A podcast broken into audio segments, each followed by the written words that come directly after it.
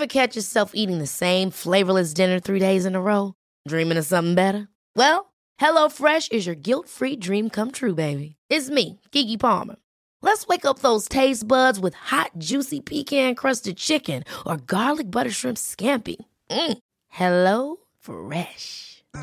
Stop dreaming of all the delicious possibilities and dig in at HelloFresh.com. Let's get this dinner party started. Imagine the softest sheets you've ever felt. Now imagine them getting even softer over time. That's what you'll feel with Bowl and Branch's organic cotton sheets. In a recent customer survey, 96% replied that Bowl and Branch sheets get softer with every wash. Start getting your best night's sleep in these sheets that get softer and softer for years to come. Try their sheets with a 30-night guarantee. Plus, get 15% off your first order at bowlandbranch.com. Code BUTTERY. Exclusions apply. See site for details.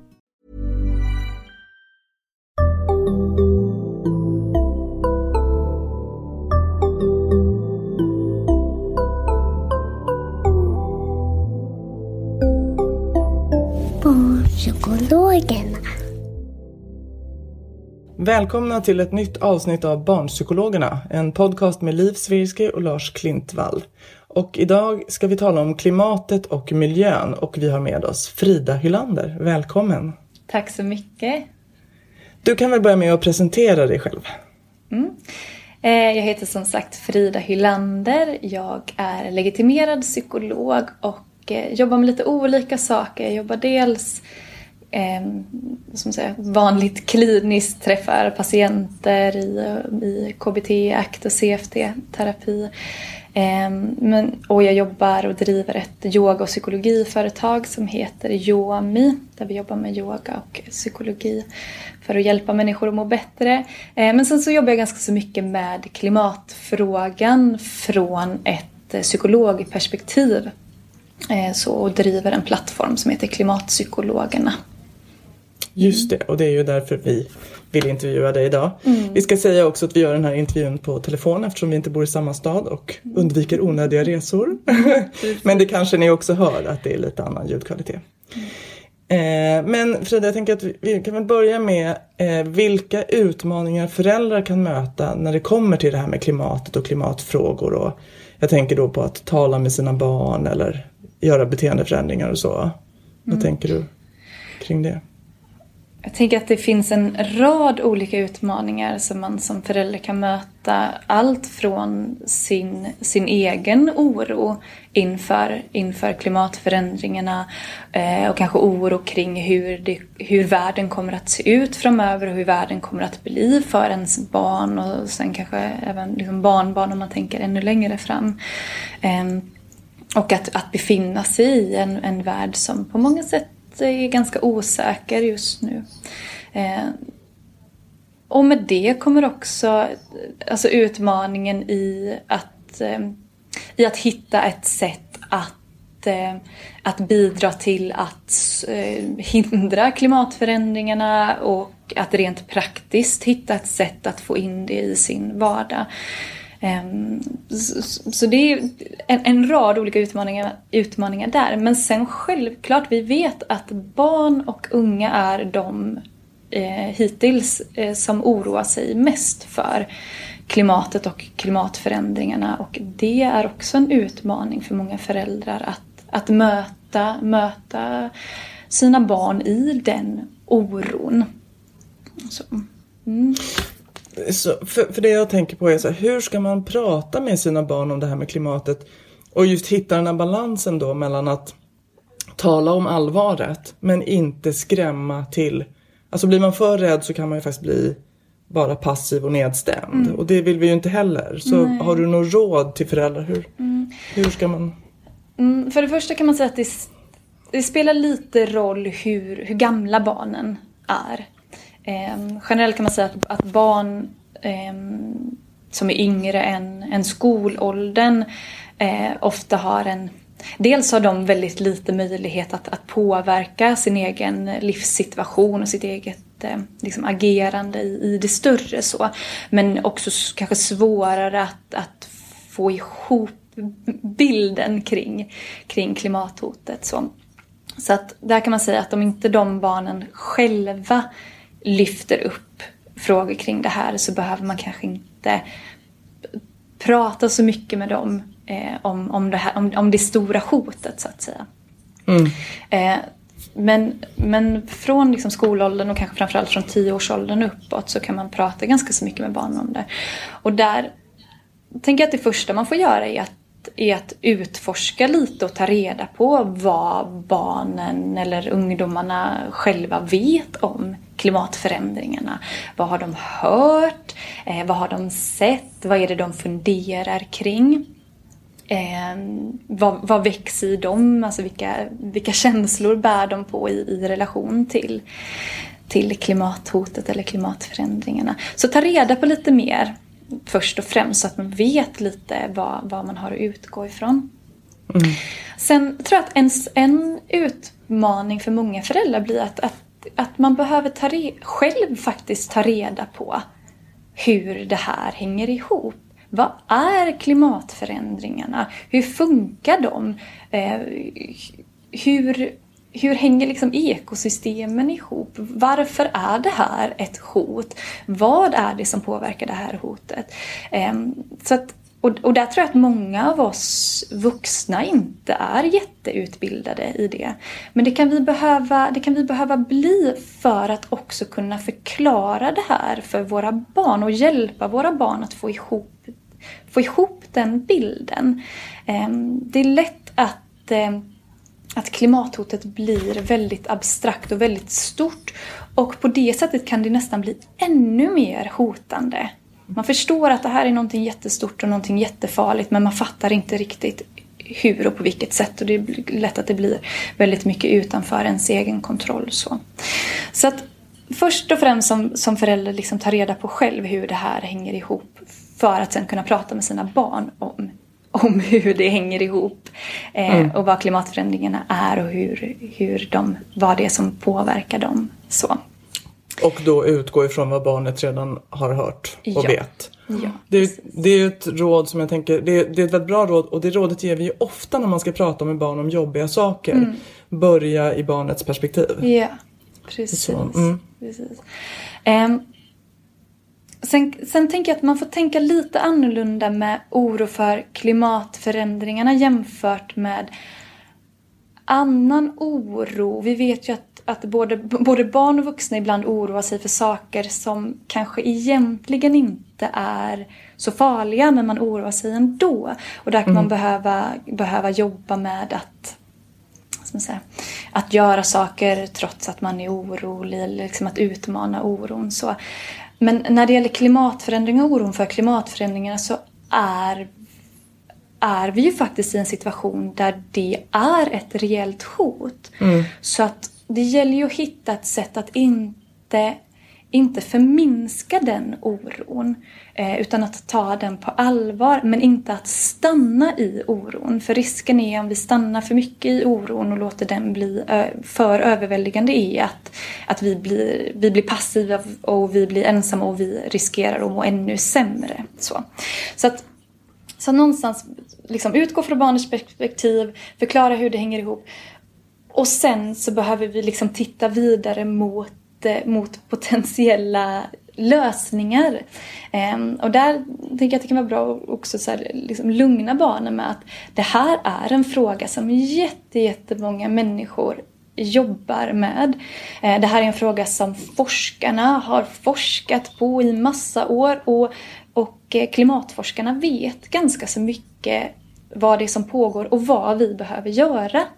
Så nu är det vår uppgift att att göra det. Nu är det vår uppgift att lyssna på deras råd och att göra det som de har kommit fram till att vi behöver göra för att, eh, för att stoppa de här eh, förändringargarna. Och där det, är ju, ja. det är ju jättebra, mm. tänker jag. För då blir det ju någon slags positiv avslutning på det hela. Precis. En möjlighet. Ja, mm. och sen så kan man gå vidare och titta på, nästan dela upp det som i så här, två kategorier. Att dels titta på så här, okej okay, men vad kan vi göra här? Vad kan vi göra i, i vår familj? Eller vad kan, vad kan ni göra på er skola? Eller vad kan ni göra i den här föreningen som du är med i? Eller så. Eh, mm. Och sen, vad kan vi säga till våra politiker och beslutsfattare och eh, företag att göra? Så att vi skiljer på det här och, och tydliggör någonstans att så här, vi kan inte själva göra allting. Vi kan göra en hel del saker här och det är viktigt att vi gör dem. Och sen så finns det andra saker som politikerna och företagen och de stora beslutsfattarna behöver göra. Men där kan vi hjälpa till att, att säga till dem vad vi tycker att de ska göra. Så att vi visar liksom vårt agerande på det sättet. Mm. Mm. Eh, när, om man tänker sig då att man har barn som är har vi barn som har en del oro kring det här då kan man tänka sig att de är ganska lättmotiverade att faktiskt göra förändringar. Mm. Mm. Men om, det, om vi har barn som tycker att nej men det där låter så tråkigt att inte få göra de där grejerna eller eller till exempel jämför sig med kompisar som men de åker ju bort till och liksom flyger på alla lov och jag vill också åka utomlands, jag vill också se och så. Mm. Hur, har du några tankar kring hur man kan motivera barn som, som inte tycker att det här känns kul eller inte tycker att varför ska just varför ska just jag mm. göra de här mm. lite tråkigare eller begränsade grejerna? Mm. Eh, och det tänker jag på ett sätt på ett sätt göra liksom samma sak. Att prata om det här och förklara hur det här hänger ihop. Mm. Och tydliggöra att det här är någonting som vi där vi alla behöver göra förändringar. Det här är ett, en situation som, som påverkar alla människor på hela den här planeten. Eh, mm. Och där vi alla behöver ta, ta vårt ansvar i det. Så, ehm, och förklara hur det, hur det hänger upp och varför det är viktigt. Ehm, och, men sen kan man också behöva blicka blicka, liksom blicka framåt mot de, de vinster som faktiskt kommer med att leva på ett mer hållbart sätt. Både för en själv liksom i, eh, på individuell nivå och på familjenivå men inte minst på den planetära nivån så att, att den här planeten, vi kommer ha en bättre planet om vi har en planet som mår, som mår bra. Så. Um, och sen, jag vet, jag tänker att man som förälder generellt behöver hantera i en massa olika situationer att ens barn vill göra saker som man själv inte mm. tycker att de ska göra eller att ens barn vill ha saker som man själv tycker att vi inte ska ha. Och, så jag tänker att det, man kanske inte behöver se det här så jätteannorlunda från att man inte kan låta barnen få varje leksak de pekar på eller få varje ny telefon som de vill ha eller få, alltså så. Um, och där kan, kan klimat och miljöskälen vara liksom ett skäl i det. Men jag tänker att det också mm. finns en massa andra skäl till att eh, till att barn ibland behöver göra saker som de inte är jättepeppade på från början. Eller att de ibland behöver avstå saker. Så. Och där tänker jag att du också pekar på något viktigt för det är ju eh, inte alla vuxna som heller liksom har vet hur de ska förhålla sig till de här frågorna och så. Eh, men att det är klart att det kanske är viktigt som förälder att föregå med gott exempel också då. Att det vi ja. pratar om som modellinlärning i psykologin. Att mm jag åker inte heller, jag köper inte heller en ny mobil. Jag, ja, vad det nu är. Och det vet vi ju att eh, när, man har, när man undersökt det här tidigare så, så har man sett att eh, en stor andel av unga tycker att, att vuxna eh, pratar mycket men inte gör tillräckligt mycket. Eh, och där kan det bli om man tänker att man har ett barn som oroar sig mycket för det här så riskerar man ju som vuxen att öka barnets oro om man eh, om man fortsätter att leva på ett ohållbart sätt. Så att man vet att barnet har, har eh, oro för, för klimatförändringarna. Eh, om man någonstans pratar med barnet och, och säger till barnet att ja, det här är viktigt och det här är, ja, det här är ett hot som vi står inför. Och sen så fortsätter man ändå kanske att eh, vad vet jag, fly, flyga på, på långsemester. Då, alltså det vill säga att, att man, man som vuxen inte agerar i linje med det man säger till barnet. Och då kan man ju, kan man ju trigga barnets oro ännu mer. Eh, och dessutom minska sin egen trovärdighet i, i det här. Så jag tänker modellinlärningen är oerhört viktig där. Eh, både för, för att öka, liksom öka miljöengagemanget hos barnet men också för att minska oron. Och tvärtom också tänker jag om man har ett barn som inte oroar sig och som mest tycker att det här är är jobbigt Då tänker jag att det är jätteviktigt som, som vuxen att föregå med gott exempel och visa på att det här, det går att göra de här förändringarna. Jag gör det här och jag, liksom, eller vi vuxna gör det här och vi fortsätter ha det bra. Liksom, trots att vi gör det här. Det, det, är, inte, det är inte hela världen att så, göra de här förändringarna. Nej, så det, det är oerhört, oerhört viktigt. Mm. Du som är väl insatt i det här ämnet och upp, jag kan ju tycka från min horisont att, jag ty, att det har blivit ett, ett uppsving i engagemanget mm. sen kanske framförallt den här varma sommaren. Mm, mm. Eh, och att fler och fler att det finns en ökad medvetenhet. Mm. Ser du samma mönster eller ser man samma mönster om vi tittar på Sverige och svenskar eller ja, kanske ytterligare grupperingar?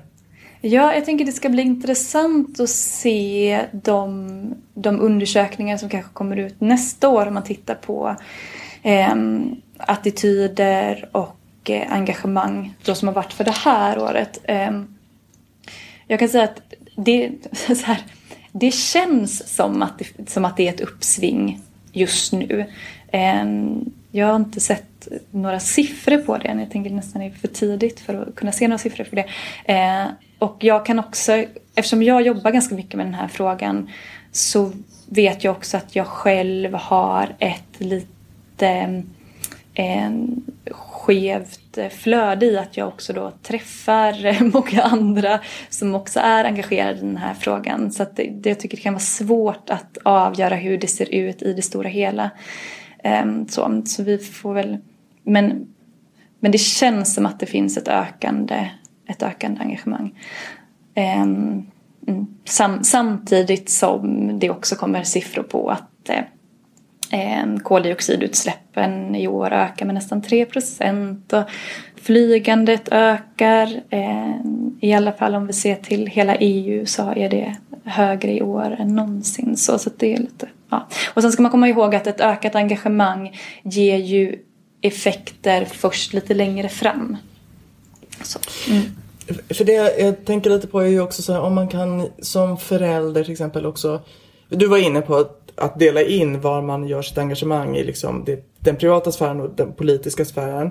Men att också den privata är då hemmet, skolan, föreningar. Och där mm. tänker jag då att man kanske som förälder också kan liksom hjälpa till att dra igång ett, ett engagemang. Mm. Eh, man kanske kan ut, liksom idrottsföreningen, ja, men i år så satsar vi på, inte vet jag, pantaburkar, det är väl många som gör redan mm. kanske. Men mm. alltså vi gör någon klimatutmaning och vi utmanar varandra lite eller så. Mm. Har du något tips där? Liksom, finns det ja, utmaningar, lekar eller tävlingar eller någonting som man kanske kan, kan använda för att få igång grupper av barn och ungdomar i det här? Ja, jag skulle, nu känns det som jag upprepar mig själv, men jag skulle nästan vilja, alltså det som jag sa i början, att återigen liksom mm. sit, sitta ner med, med barnen och, och prata med dem och ta reda på vad vet ni om detta och vad funderar ni kring detta och förklara hur det här hänger ihop och förklara varför det här är viktigt. Um, och liksom utifrån det hitta, hitta liksom deras motivation och hitta deras engagemang. Jag tänker det här är en sån oerhört stor fråga eh, och, och, vi kan inte alla göra allting i den här frågan. Och jag tänker det kan finnas en, en fördel för barn att få göra någonting som blir lite mer konkret och lite mer hanterbart så, så att man hjälper till att bryta ner det och så satsar man på, på att göra en grej eller hitta någonting som, alltså någon, någon delfråga i det här som man, som man känner mycket för. Och, så, och, och satsa krutet där. Eh, också som ett sätt att, att, ja, göra det mer begripligt och göra det mer hanterbart. Eh, och eh, någonting där man känner att man själv faktiskt kan göra en skillnad. Så. Men, men, jag, men det du säger är att skolan och eh, föreningslivet är ju så oerhört viktiga arenor i mm. det här. Mm. Absolut, och där har man ju också möjlighet att göra saker, saker tillsammans. Vilket vi vet är ett bra sätt att hantera klimatoro på. Att göra saker tillsammans och göra saker där man, man känner att men här gör jag en skillnad. Eh, och göra saker som på något sätt känns liksom meningsfulla eller meningsskapande.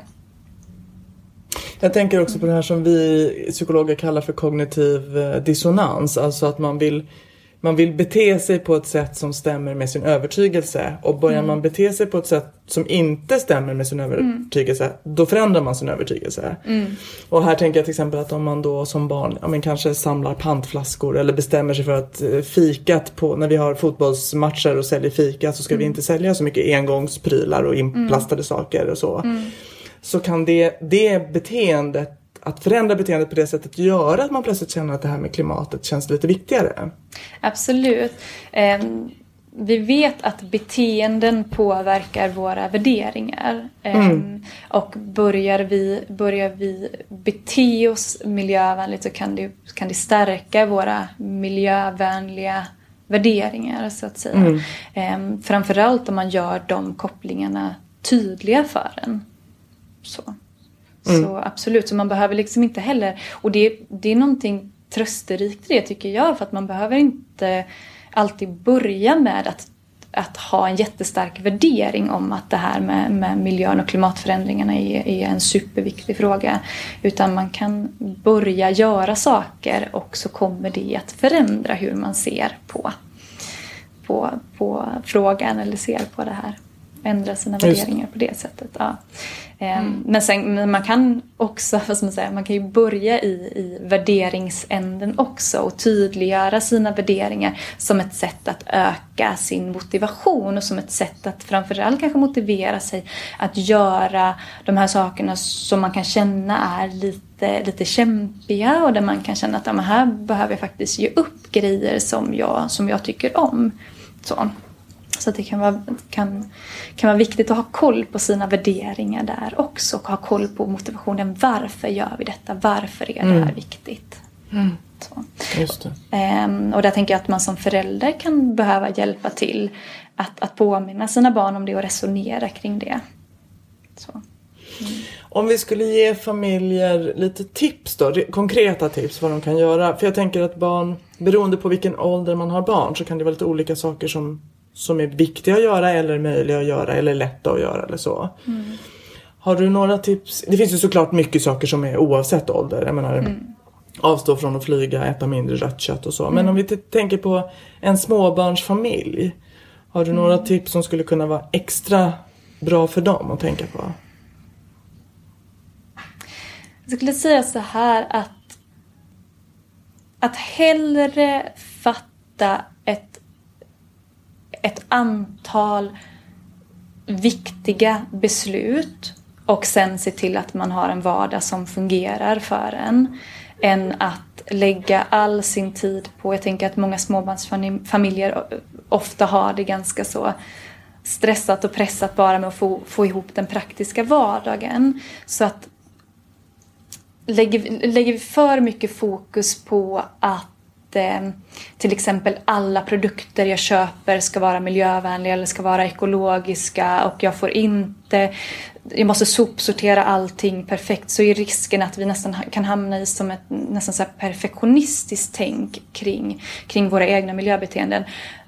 Men ägnar oss ganska mycket åt sånt som faktiskt inte har jättestor effekt så.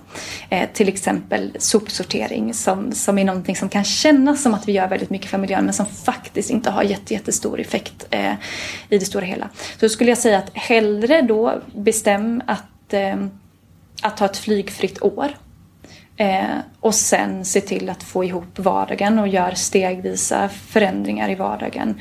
Eh, och bara liksom ha det bra tillsammans kanske fundera kring så här, men det kan vi satsa på och förenkla vår vardag så att vi har mer tid till att umgås med varandra och göra så. Alltså hitta vad som säga, fossilfria aktiviteter som man, eh, man tycker om att göra tillsammans. Så. Vi vet ju generellt att människor, det som, det som vi människor mår, mår eh, bäst av och som gör oss lyckliga och sånt, det är ju saker som faktiskt inte är kräver en massa koldioxidutsläpp utan det är ju för det mesta att, att umgås med varandra, att bygga på våra relationer, att göra, ägna oss åt någon hobby som känns meningsfull och sådär. Så det kan man liksom ha med sig så. Eh, men ska, så hellre, hellre få men, men beslut som har, som har stor effekt, till exempel att, eh, att ha ett flygfritt år. Eh, eller att äta, om man kan, om man kan få in mer vegetarisk mat. Så, mm. där. men gör det på ett enkelt sätt. Hemma hos oss, för jag har ett litet barn själv, vi, vi gör jättemycket storkok. Så att vi slipper laga mat. Så då har vi kanske fem eh, eh, vegetariska eller veganska rätter som vi gör storkok av. Så vi aldrig behöver tänka på vad vi ska, vad vi ska laga.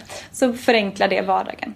Så. Det är jättebra tips. Och jag tänker att det är nog väldigt skönt för många att höra att just de där mm. små grejerna som känns kanske på sätt och vis lätta men ändå är rätt, som ska in i vardagen. Mm. Mm. Att det kanske inte är de man behöver lägga sitt krut på utan man gör några stora beslut istället. Nej, nej precis. Det är lite lurigt det där för att man har till och med sett i vissa studier att personer som anser sig vara väldigt miljömedvetna har större utsläpp än personer som inte anser sig vara miljömedvetna eller inte anser sig bry sig så mycket om klimatfrågan. Eh, och man tror att en anledning till det kan vara just det att man, man lägger, man lägger krutet på fel saker. För man kan ju få en, en känsla av att man gör jätte, jätte, jättemycket för miljön. Eh, för man ägnar hela sina dagar åt att få allting så perfekt som möjligt. Och så kanske man blir liksom helt utmattad av det. Så, nej. Mm. Mm. Mm. Är det någon skillnad då i vad du skulle säga till, till de tonårsfamiljen? Eller ger du dem samma råd? Ja, i grund och botten så skulle jag ge samma råd till dem. Mm. Eh, men jag tänker man har ju andra möjligheter med, med, större barn som har ju både kanske större möjligheter men också på ett större utmaningar i att man då har barn som har um, mer möjlighet att agera själva men också mer åsikter kring vad som är viktigt mm. för dem. Så jag tänker där kanske man får lägga mer mer vikt vid att resonera tillsammans som familj kring så här, men vad är viktigt för oss och hur ska, vi, hur ska vi göra med de här kanske större besluten. Där, jag tänker har man en en tvååring så kan man som, som föräldrar fatta beslutet om att vi inte ska, vi inte ska flyga eh, på ett eller två eller tre år.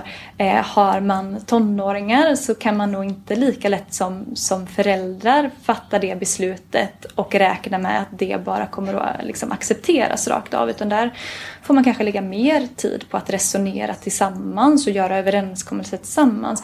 Eh, och där tror jag att det är jätteviktigt att att ta med barnen eller tonåringarna i det och att deras eh, röster och vilja i det blir, eh, blir lyssnade på. Så. Mm. Eh, också för att mm. öka, öka deras motivation. Mm. Mm, bra. Eh, om du skulle säga då de tre viktigaste sakerna? Du har sagt flyga så jag antar att den kommer på plats nummer ett. Men finns det tre saker som sådär stora viktiga beslut som, som ändå kan vara bra att för alla att försöka följa mm. i den mån man har möjlighet. Precis. Det, man gjorde, det gjordes ju en studie på just det här eh, vid Lunds universitet eh, förra eller förra, förra året där man kom fram till de, de viktigaste besluten som man kan göra på individnivå. Eh, och där kom de fram till en sak som var lite kontroversiell. De räknade på att, att skaffa färre antal barn. Eh, men de beräkningarna är, var lite knasigt gjorda så det, jag tycker man, vi, jag tänker vi går inte in i den diskussionen för där kommer det helt mm. andra aspekter in. Men förutom det så var det just att eh, att minska sitt flygande, att äta plantbaserat, eh, så vegetariskt eller, eller allra, allra helst veganskt. Eh, och att, eh, att leva bilfritt. Och sen att eh, byta till eh, fossilfri el eller elförsörjning. Så, ehm, så det är, det är liksom de som man har räknat på är de, de valen på individnivå som har störst effekt. Men jag tycker inte att man ska glömma bort vikten av att, eh, att, Eh, att agera, det vill säga att organisera sig, att eh, bidra till att driva opinion kring det här, att påverka sina politiker och beslutsfattare och påverka påverka företag. Så det är ju ingenting som man kan, där kan man ju inte räkna sin eget eh, koldioxidutsläppsminskning lika direkt men det är ett oerhört, ett oerhört eh, viktigt sätt så att vi inte bara fastnar i att nu ska vi som familj minska våra avtryck så mycket som möjligt utan vi behöver också liksom gå ut och agera tillsammans. Eh, både för att det är, är, är en, viktig, en viktig del i att driva, driva eh, förändringen mot klimatförändringarna. Men också för att vi vet att det kan vara ett viktigt sätt att hantera oro för klimatet och att skapa, liksom vända den oron till mer eh, handlingskraft och till mer meningsfullhet.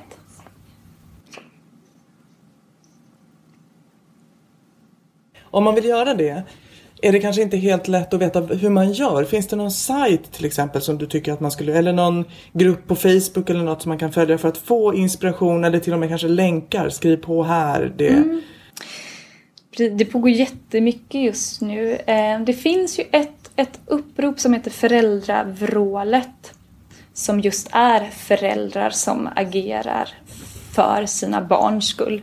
Så, eh, så de kan man, tycker jag man kan följa på Facebook. De är väldigt aktiva där. Och sen så ganska nyligen har det ju startats en, en klubb som heter Klimatklubben. Eh, som har jättemånga tusen medlemmar eh, och som blivit jättestora. Som man kan följa både på Facebook och man kan följa på eh, Instagram. Men där de också nu, vad jag förstår det som, håller på att starta upp eh, lokala klubbar så att man faktiskt också kan kan titta i sin egen stad om det, om det planeras att startas upp en sån klubb som att man också kan träffa andra människor. Där pågår det i alla fall jätte, jättemycket diskussioner och människor som delar med sig av tips till varandra och människor som startar upprop och människor som på olika sätt eh, agerar och hjälper och stöttar varandra. Så, så de två skulle jag rekommendera. Då lägger vi upp länkar till dem mm. på vår hemsida eller vår Facebook och i mm. eh, informationen om avsnittet. Yeah. Är det inte också så Frida att eran eh, sajt har en del information om klimatet och hur, vilka val man kan göra så?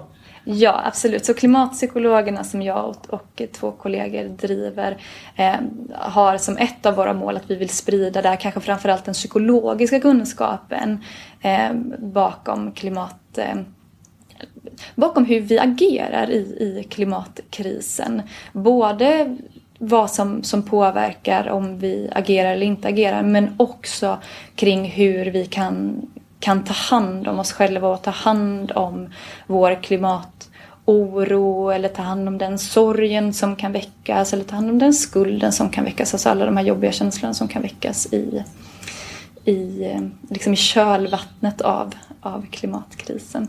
Så att eh, absolut, så oss får man också jättegärna följa om man vill, om man vill veta mer om det, om det psykologiska. Allt, allt psykologiskt kopplat till klimatkrisen. Mm. Vi lägger ut en länk till er också. Såklart. Ja. Eh, vi ska sätta stopp för idag. Är det någonting mer som du känner att du vill ha sagt innan vi sätter punkt? Nej, jag tänker just att det, vi behöver i det här både hitta ett sätt att, att ta hand om ta hand om de jobbiga känslor som, som kan väckas. Jag tror att det kan också vara viktigt att, att komma ihåg att även om man börjar göra förändringar i sitt eget liv eller börjar engagera sig, eh, vare sig man är barn eller vuxen, så, så kommer, man, kommer man då och då att eh, att behöva möta jobbiga känslor kring det här för det här är en, det är en stor och läskig situation som vi befinner oss i. Ehm, så att vi, vi, behöv, vi behöver någonstans hitta ett sätt att liksom balansera i det där. Att både agera men ta hand om oss själva. Men framförallt att göra saker tillsammans och inte bli ensamma i det. Och det tror jag är, inte minst är viktigt att tänka på eh, från barnens perspektiv. Så att de inte blir ensamma med den här jättestora läskiga frågan. Mm. Jättebra. Stort tack Frida för att du var med oss idag. Ja, tack för att jag fick vara med. Jätteroligt. Mm. Och tack till er som lyssnar. Ett nytt avsnitt kommer snart och tills dess eh, kan ni följa oss på Facebook eller på Instagram och såklart prenumerera så att ni inte missar något. Eh, vi hörs. Hej då!